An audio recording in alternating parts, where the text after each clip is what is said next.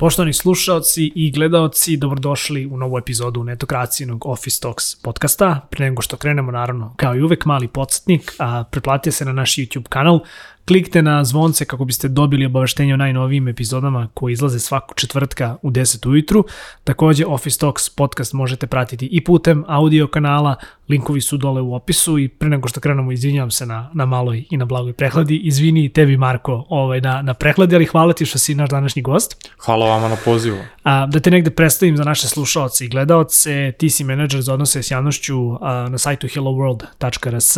Jedan od razloga zašto si na moj današnji gost i zašto si, da kažem, ovaj, zašto se, da kažem, pridružio danas, jeste zato što ćemo govoriti o jednoj temi koja je ovih dana aktuelna. Objavili smo u ponedeljak i tekst koji se tiče IT otkaza u Srbiji.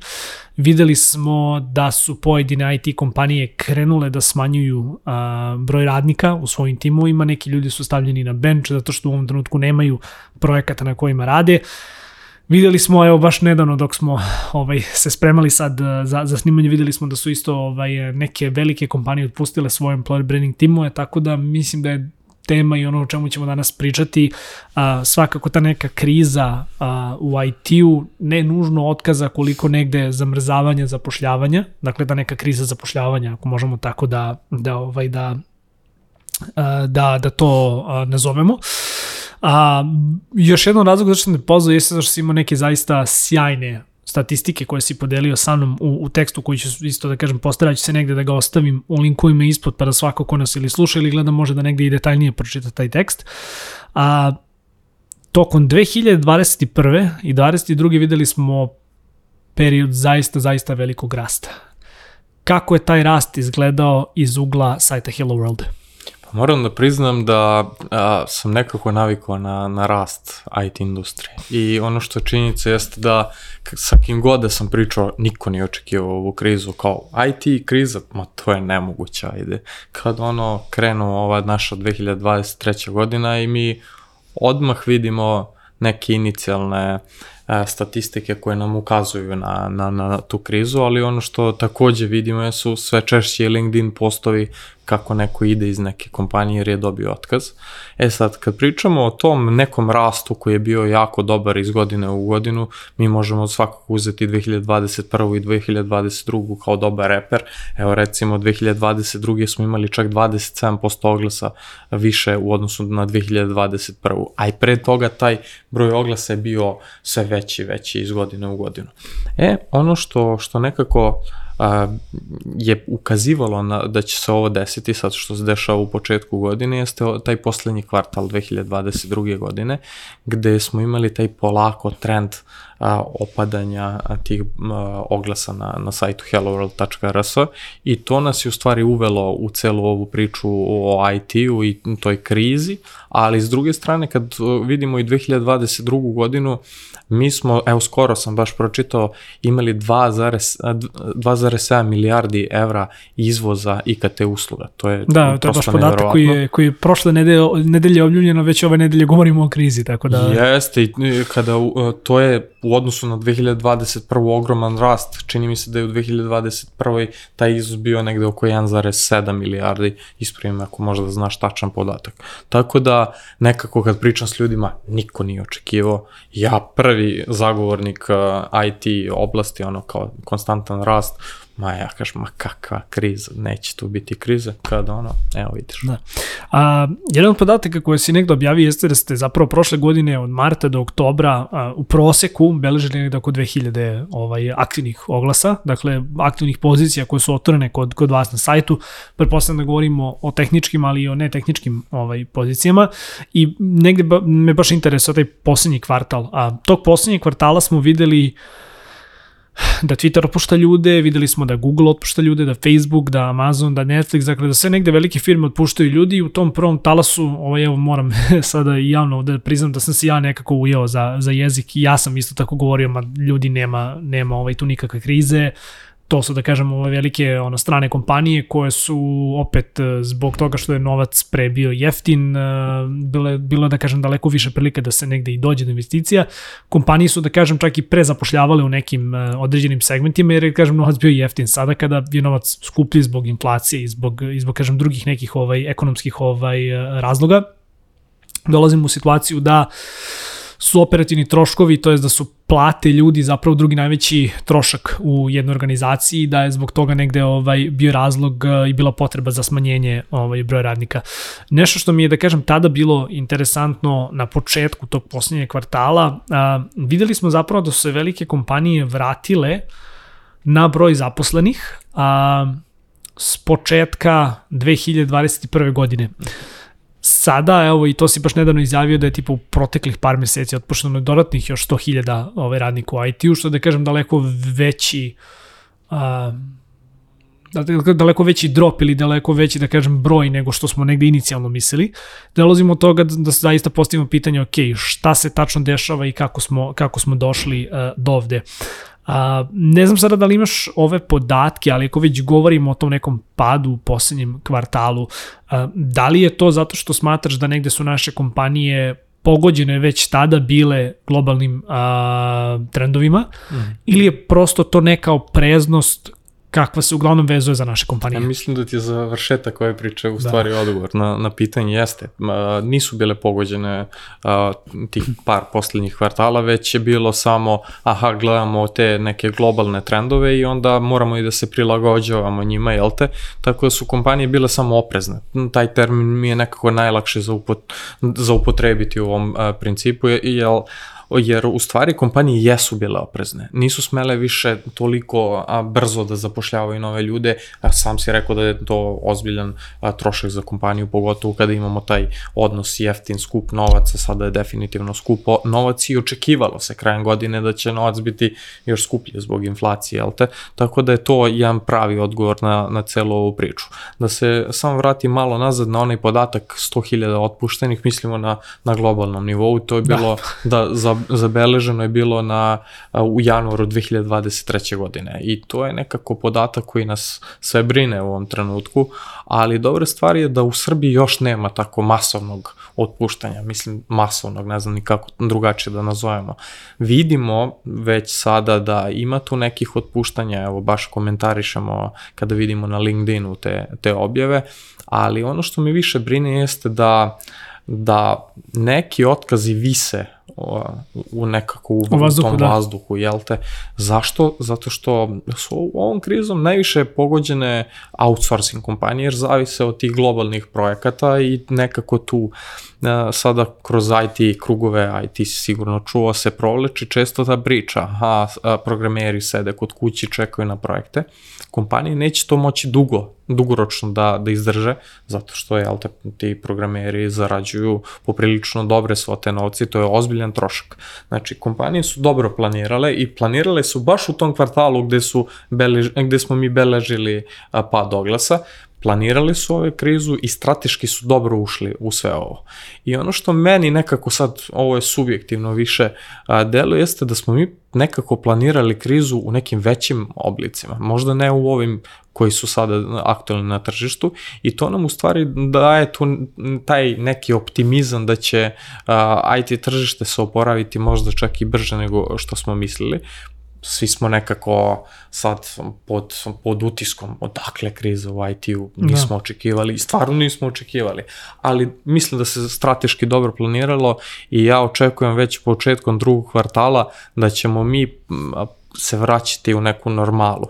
E sad, tu, tu ima više aspekata zašto se ovo dešava. Ja sam nekako u poslednje vreme, sednem ovako sam sa sobim i pričam, ma meni je sumnjiv ovaj chat GPT, nekako sam počeo da razmišljam, ma da nije ovo otpuštanje zbog tog chat GPT-a, da, da ne, kre, ne kreću oni u neku širu implementaciju svega da. toga, pa da zbog toga otpuštaju. Ali, Hvala evo, Bogu, to, da, mislim, mislim da smo još godinama ovaj daleko, daleko od toga. da. A, jednu stvar si spomenuo, ovaj, a, kada već kako govorimo o kompanijama ovaj, koje, su, koje su negdje i smanjile zapravo svoj broj radnika, a, ima taj jedan čuveni ovaj thread na, na Redditu, na koji se dosta ljudi, da kažem ovako, ovaj, ono, referira. Tu smo videli a, da određeni broj kompanija jeste negde smanjio ovaj, broj ljudi koji trenutno kod njih rade. To su, nažalost, ili na sreću, ajde ne mogu baš tačno da kažem, ovaj, može malo rogobatan termin za upotrebiti, ali to su uglavnom, da kažem, strane kompanije koje su imale svoje negde razvojne centre ovde, stoga, su, stoga, stoga da kažem, taj odnos globalno, lokalno možda, možda izraženiji nego ako govorimo isključivo o domaćim uh, timovima. A, s jednom stvari ću se složiti. A ako govorimo o masovnim otkazima, mislim da masovnih otkaza neće biti. Slažem se i da su kompanije negde dosta dobro planirale, pa, planirale zapravo ovaj period i da ćemo zapravo vidjeti zamrzavanje zapošljavanja, da će kompanije probati da iskoriste ovaj period da nekako pregrme ili preguraju ovo dok situacija ne krene da se da se otvara, a ta neka otpornost, mislim, ne znam, smatram, ali evo reci mi ti šta misliš o tome, mislim da su se kompanije na to negde privikle za vreme korone. Znaš, niko nije mogao da pretpostavi u onom martu, u aprilu, u onom inicijalnom lockdownu da će se stvari tako brzo ovaj, vratiti u normalu, barem kada je naša industrija u pitanju, a i za mnogo, ovaj, za mnogo neke stvari i razviti. Tako da ne znam, vidjet ćemo, ovaj, lud je, lud je negde, negde period pred nama. Slažem se, apsolutno. Mislim. A, da, A, jednu stvar se isto tako spomenuo, pa negde pro, probam, to je pitam se zapravo kao da li su ta dva podatka sada povezana. S jedne strane si rekao da imamo manji broj oglasa, ali si s druge strane isto tako rekao da imamo i povećan broj a, apliciranja na, na, na, na te oglase. Da li su ta dva podatka negde posljedično vezana? Pa je definitivno da jesu. Nekako čim imaš smanjenu potražnju, a, odnosno broj oglasa, odmah se više ljudi aplicira na jednu poziciju. Više da. na jednu poziciju nego inače. A, to, to je bilo primetno u tom poslednjem kvartalu. Evo, beže, beležili smo recimo broj konkurisanja u 2022. godini u decembru je bio 6749 u odnosu na 5229 u 2021. Dakle, ta aktivnost je bila a, izuzetna u tom, a, u tom poslednjem kvartalu ili recimo u, u novembru je bilo 8221 a, broj konkurisavanja u odnosu na 6466 u 2020, 2021. To je sve negde oko 20-30% u zavisnosti od, od konkretnog meseca, ali da, jesu povezani podaci i ono što sam ja zaključio u tom nekom periodu pričajući s ljudima, jer generalno često pričam sa ljudima iz IT industrije, jer tu dobijemo onako poprilično dobre informacije, isto tako i na Redditu, a, jeste da su se zabrinuli oni su dobili te informacije o otpuštanju, o, o, o krizi i hteli su nekako, a, ako su osetili da su u toj kompaniji na nekom ledu, oni su hteli tad baš da menjuju posao, jer su kao mislili, aha, ako sad odem, pa neće me baš otpustiti u, u prvom, drugom, trećem mesecu, da preguram ja ovu krizu, pa ću posle lako. A, tako da je zbog toga, ja mislim, a, baš tad zabeležan a, taj broj konkurisanja koji je daleko veći nego inače. Tako da kandidati su jednostavno svesni uh, tržišta rada i to je ono što je, što je dobro. Isto kao što su bili svesni u, jednoj, u jednom trenutku mogu tražiti daleko veće zarade nego inače. I, da. i u ovom trenutku u, u kriznom momentu su bili i takako svesni situacije i, i morali su nekako da se prilagode celom, cel, da. celoj situaciji. Postaje se sad jedno kao ključno pitanje, da li je Da li je našem balonu, to je da li je naš balon pukao, da li je negde magiji došao kraj? Kako je tvoje negde viđenje? Da li misliš da prosto moramo da imamo ovaj neki period stabilizacije da bismo ponovo drugog, trećeg ili možda ovaj, da kažem četvrtog kvartala ove godine se vratili negde to, tim, tom nekom prirodnom rastu? E, pa tu imam jednu anegdotu da ispričam, jer, jel te, mi smo, i ti i ja smo u IT-u i često onako pričamo o tome i, i mi smo u tom balonu. I onda kada pričam sa jednim pa mojim najboljim drugom on, on mi često kaže ajde Marko više izađi iz tog vašeg balona kao nisu plate svuda kao u IT-u moraš da znaš to. Ja kažem ma ne znam nije baš to tako i plašim se da će pući taj balon. Nisam se plašio, ali sad se plašim da će pući zato što u jednom trenutku smo stvarno mnogo zapošljavali i pitanje je bilo, e, znaš ono kad kažeš grabimo se za nešto, ja mislim da je u jednom trenutku a, da su se poslodavci baš grabili za, za, za zaposlene. To, da li smatraš da nisu imali potrebu to da rade, nego da su to radili iz nekog straha, da su zapravo a, više zapošljavali nego što su imali potrebu?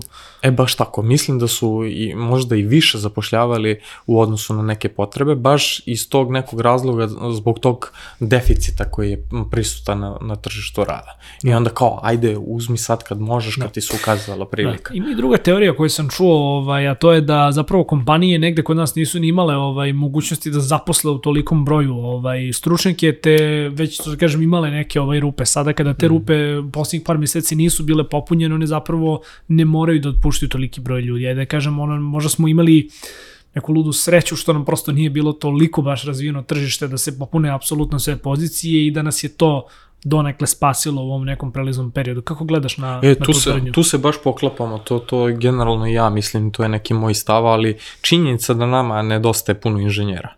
I, I baš iz te činjenice nije ni bilo puno otpuštanja, jer nemamo mi kao previše prostora da otpuštamo IT stručnjake, ali zato imamo prostora da otpuštamo možda neke HR-ove, employer Ne tehničke branding, pozicije, da. ne tehničke pozicije. Tako da, ja mislim da će u tom, ako bude malo većih otkaza, a mislim da ih neće biti, možda je ovo neki nivo koji je sad, da ćemo to i zadržati, da će isključivo biti m, otkaza, eto, m, tako neke non-tech pozicije.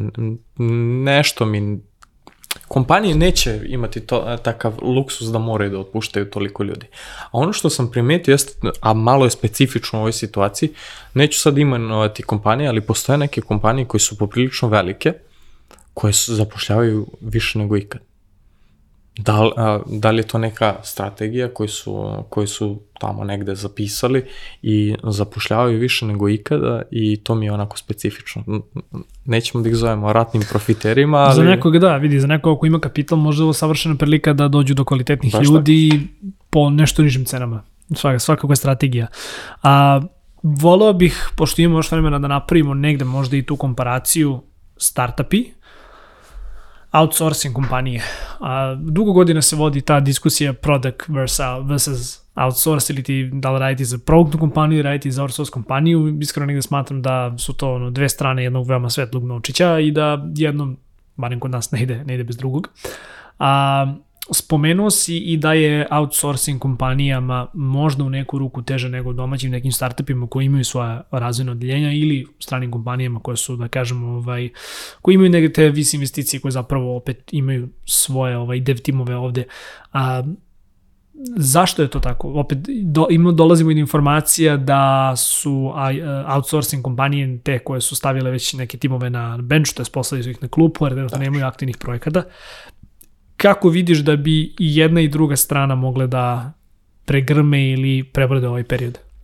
Pa što se tiče tog nekako, pa sigurno će na, firme koje imaju svoj proizvod lakše proći kroz ovu krizu. I to mi je nekako i realno zato što zavise od svog proizvoda, ne zavise od projekata nekih stranih, drugih a, firmi ili, ili tako nešto. A, ono što sam primetio jeste da čak i država sada subvencioniše baš kompanije koje, koje imaju svoj proizvod, te im na tome u stvari daje na značaj to što one rade na razvoju baš ovde i to mi je moram da priznam jako drago. Mi smo sad negde na, na nekoj brojici od 500 startupova u, u, u Srbiji, a čini mi se da, da nam fali još dobrih startupova i ja bih volao da recimo u ovoj 2023. godini u godini krize mi dođemo do povećanog broja, broja startupova. Mislim da će od tih startupova dosta zavisiti razvoj naše, naše industrije i to se sada u krizi pokazuje. Kada ti imaš proizvod, lakše ćeš proći kroz ovo i nekako će ti biti lakše da, da dođeš i do, do nekih većih i investicija i do nekih većih projekata i prodaje i, sva, i tako dalje. E sad outsourcing.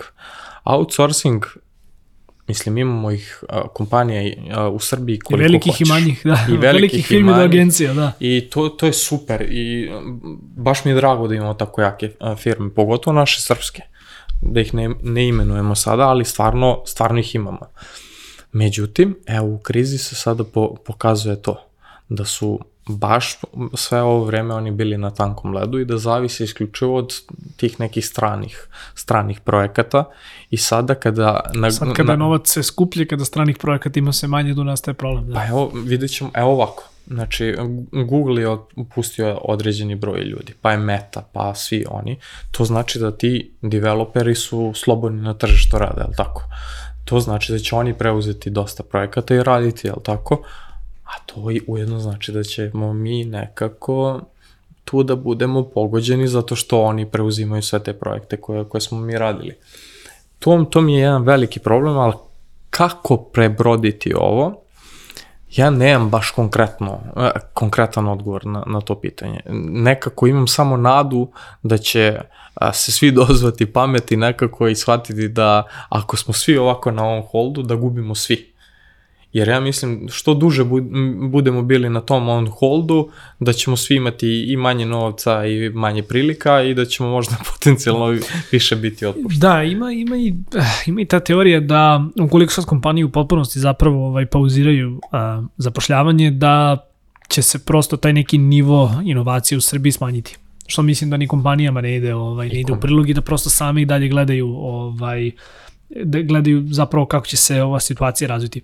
A, u tekstu koji smo baš objavili u ponedeljak, ovaj, kolega iz HR struke, ovaj, Nikola Milosavljević iz HR fabrike, izjavio je zapravo da potreba za zapošljavanjem i tekako i dalje postoji. A, da li se negde slažeš sa, sa ovom izjavom i opet da li je to samo da kažem razlog zašto su kompanije sada pauzirale, žele da vide kako će se situacija razviti, ali i dalje realna potreba za kadrom postoji? Pa apsolutno, mi, ako obustavimo zapošljavanje, to onda znači da nema nekog razvoja, nema, tog, nema inovacije, nema, nema ničega. Napretka, znači da. sve staje i dosta ljudi iz kompanije odlazi svojevoljno, ima potrebu da ode To znači ako mi ne zapošljavamo, šta će onda biti s našom kompanijom. Talenti su jako bitni u ovom deficitu i mislim da je bitno da kompanije budu svesne toga da ako im talenti odu, da je možda malo teže nadoknaditi a, sve to i da će to znatno uticati na, na rezultate kompanije.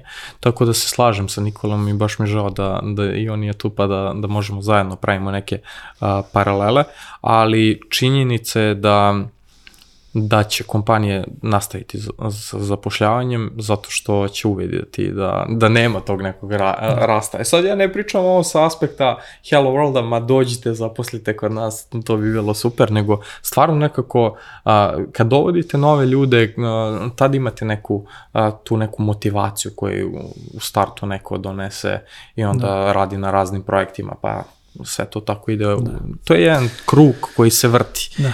A, jedan baš od savjeta koje je negde Nikola podelio ovaj, jeste i to da kao s jedne strane poslodavci, to jest da zaposleni negde treba da u neku ruku cene a, svoje poslodavce koji ih, ih neće otpuštati, iako je u mnogim firmama trenutno su zamrznute povišice, a, neke firme su čak ukinule i bonuse, dakle spustile su se na neki, da mhm. kažem, prizemni nivo u ovom trenutku. I opet, malo je možda i čudno, barem za nekog ko nije u industriji, da, da, da znaš, ono, kao godinama se pričalo, studire IT, tu su mm -hmm. velike plate, znaš, ono, programeri zarađuju basoslovne cifre i takve neke tvrdnje su se, ovaj, su se mogle čuti po slavama, po, po venčanjima, po, ono, po opšte narednim veseljima. Jako brzo smo došli do situacije gde je sada ovde kriza. Mislim da naš narod nije nekako navikao baš na, na, na toliko brze promene, ali Nikole, po mom mišljenju, negde lepo rekao kao da zaposleni trebaju da cene napore poslodavaca, da ne mhm, smanjuju -hmm. timove, čak i ako moraju da ukinu neke od benefita privremeno, kako bi videle kako će se situacija a, odraziti, pa bih želeo negde svakako da prokomentarišeš i taj deo ovaj, priče, ali ima i onaj drugi deo koji se tiče zaposlenih, a to da je sada savršeno vreme da se zaposleni posvete sebi, da negde još možda unapreda svoje neke veštine, svoje neka znanja, da iskoriste ovaj period e, ne samo kako bi nužno gledali da pobegnu u neku drugu firmu, već prosto da unaprede sebe, svoje veštine, svoje znanja i da samim tim negde unapredi poziciju, na primjer u takvoj jednoj postojećoj organizaciji. Ne, činjenica da, da je ovo kriza nije, da ova kriza nije samo za poslodavce, nego je kriza i za poslodavce, ali i za, za ljude da. zaposlene koji, koji rade. Nekako je to potpuno normalno. E sad, što se tiče tih zamrznutih povišica, to je jako veliki problem sa kojima se suočavaju jedni i drugi.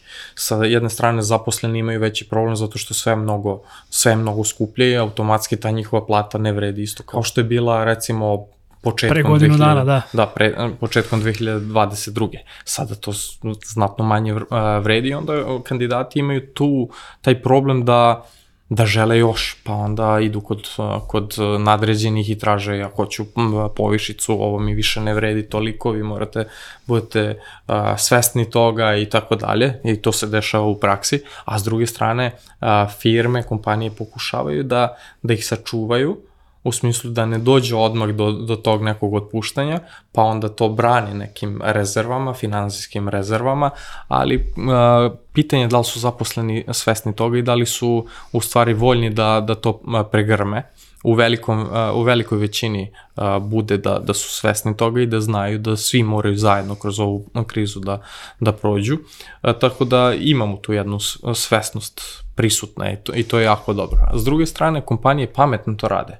Prvo nekako prirodno je da, da, da se seku benefiti benefiti su nekako najbezbolnija stvar koju možeš da, da jednom zaposlenom uskratiš. Nema, ali, više, nema više avokado tosne.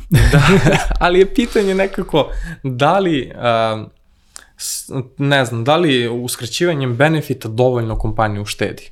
To, to je meni jedno glavno pitanje. Tako da onda kompanije često uh, računaju da li se isplati da, da, da, da se sečeš i te benefite. Da. Za kraj imam još jedno pitanje, obzirom da u Hello Worldu primarno radite sa, sa kompanijama, um, tvoja neka predikcija ili možda tvoj negde, negde savet, uh, ako su već suočene sa tim da ne mogu da zapošljavaju nove ljude, samim tim malo se i eksterna komunikacija promenila, uh, koji je negde tvoj savet za kompanije? Da li da se posvete uh, postojećim resursima, kako da se kompanije postave, šta da rade? Ne, meni je najbitnije sad i moj neki savet je da kompanije očuvaju trenutan kadar. Možda ako nemaju prostora za zapošljavaju nove ljude, ja, ja mislim da je jako bitno da zadrže trenutne ljude i da su oni trenutno u ovoj krizi blako, zato što ne moraju da ulažu nešto previše u njih da bi došli na neki nivo znanja koji je potreban toj kompaniji, dakle već su duže vreme tu i jako je bitno da ih zadrže, ali nekako Uh, želim da svima kažem da, da je vreme da, da se trgnemo iz ove krize i da, da možemo da budemo jači, da možemo nekako imam utisak da moramo da se udružimo da moramo više kompanije da udružujemo, da, da svi nekako više komuniciramo između sebe i da ja pomognem tebi, ti pomogneš meni i da nekako tim krugom dolazimo do nekih novih projekata da jednostavno te outsourcing kompanije takođe budu na neki način subvencionisane od strane i od države i kako god, jer su i oni u velikom problemu, jel te? I da. nikome nije u interesu da sada te kompanije budu ne znam, da se vrate, da, da. da zatvore svoja da. predstavništva i tako dalje. Da, drago mi je da si negde pomenuo ovaj subvencije, ajde da kažem, možda ćemo sa, sa tom temom da, da završimo današnji razgovor, to svakako jeste pitanje, mislim, videli smo da se država zaista mogla pohvaliti uspehom svoje IT industrije i sam si rekao da smo sa 1,7 ili 1,8 milijardi došli na 2,7 što je zaista, zaista veliki, veliki skok. Opet doprinile su tome svakako da kažem i možda firme iz Rusije, iz Ukrajine koje su se negde preselile i koje su otvorile svoja predstavništva ovde, tako da imamo da kažem više nekih faktora koji su doprinili prosto, prosto takvom rastu. Uh, Naredne godine mislim da taj rast neće biti toliki. Pitanje da li ćemo moći da zdržimo tu neku putanju i to će zapravo biti prvi put u nekih 10 ili više godina da ta kriva odjednom ne ide ka gore nego ili se izravnala ili se izravnala ili ide ka dole. Da li je sada po tvom nekom opet mišljenju a, savršeno vreme da država reaguje, dakle da ne čeka drugi, treći, četvrti kvartal, već da negde može sad izađe sa nekim jasnim planom kako da pomogne firmama, koja je s tome što ova industrija jeste najbrže rastuća i najviše se tokom poslednjih godina razvijala, ipak predstavlja negde možda i, i, i krunu industrije u Srbiji. Kako je tvoje mhm. viđenje ove problematike? Pa ja, ja baš iskreno mislim da država hoće da reaguje. Zato što kad imamo takve brojke, onda to znači da, da je to dobro za državu, ali tako? I, i on, mislim da su svesni uh, toga ljudi koji, koji vode ovu državu i uh, ono što sam malo pre rekao, za sada su to subvencije za kompanije koje imaju svoj produkt. Ali to je ono što sam u prethodnom uh, pitanju odgovorio. Moramo da vidimo šta sa outsourcingom. Nećemo pustiti to tek tako da, da nam izmakne van kontrole i to. Tako da bih volio da država u nekom narednom periodu razmišlja i o tim kompanijama kako, kako bi sprečili tu neku krizu kod njih, a i ujedno sprečili otpuštanje, jel te? Jer smo da. malo pre rekli da mnogo, mnogo IT-evaca je na benču, jel tako? Mnogo njih čeka. I u, u prvom nekom pitanju sam ja odgu, e, baš rekao da kompanije dugoročno to neće moći da izdrže. Ako krenu ta otpuštanja, jer e, recimo firma koja ima 1000 zaposlenih, ima sigurno 100-150 ljudi koji su na benču sad i čekaju se ove svoje projekte, ako oni krenu da otpuštaju te ljude, to će nastati pravi haos. A to, taj haos će se odmah odraziti na, na rezultat. Nažalost, preliče se, da. I Preliće se i na druge kompanije, nažalost. preliće se, kao što se a, preliva i, evo recimo, na globalnom nivou kompanije koje otpuštaju, vidljivo je da na našem tržištu da. upravo te kompanije ot- otpuštaju sa razlogom, glavnim razlogom da je to neka automatizacija procesa i tako dalje. Vidjet ćemo, nadamo se da nas negde ovaj neće zameniti chat GPT. Neće. Marko, imenjač, hvala ti puno što si bio moj današnji gost. A, mi ćemo ovu temu svakako negde nastaviti da pratimo. Ovaj, mislim da ćemo se još nekoliko puta u toku godine čuti ovaj, da, da analiz- analiziramo brojke i da vidimo kakva je situacija. A, za svakoga naravno ko traži ovaj, svoj neko budući zaposlenje, ko traži posao, sajt je helloworld.rs, ostavit ćemo Prava negde adresa. link, da, ostavit ćemo negde link u opisu ovog podcasta. A, još jednom slušalci i gledalci, hvala vam puno što ste bili naši gosti, što ste bili sa nama uz, uz još jednu epizodu Office Talks podcasta. A, naravno, podsjetnik ponovo, pretplatite se na naš YouTube kanal, kliknite na zvonce kako biste dobili obaveštenje o najnovijim epizodama koji izlaze svakog četvrtka u 10 ujutru. Takođe, Office Talks podcast možete pratiti i putem audio, platformi linkovi su dole u opisu, toliko od nas. A, za danas mi se vidimo naredne nedelje. Ćao!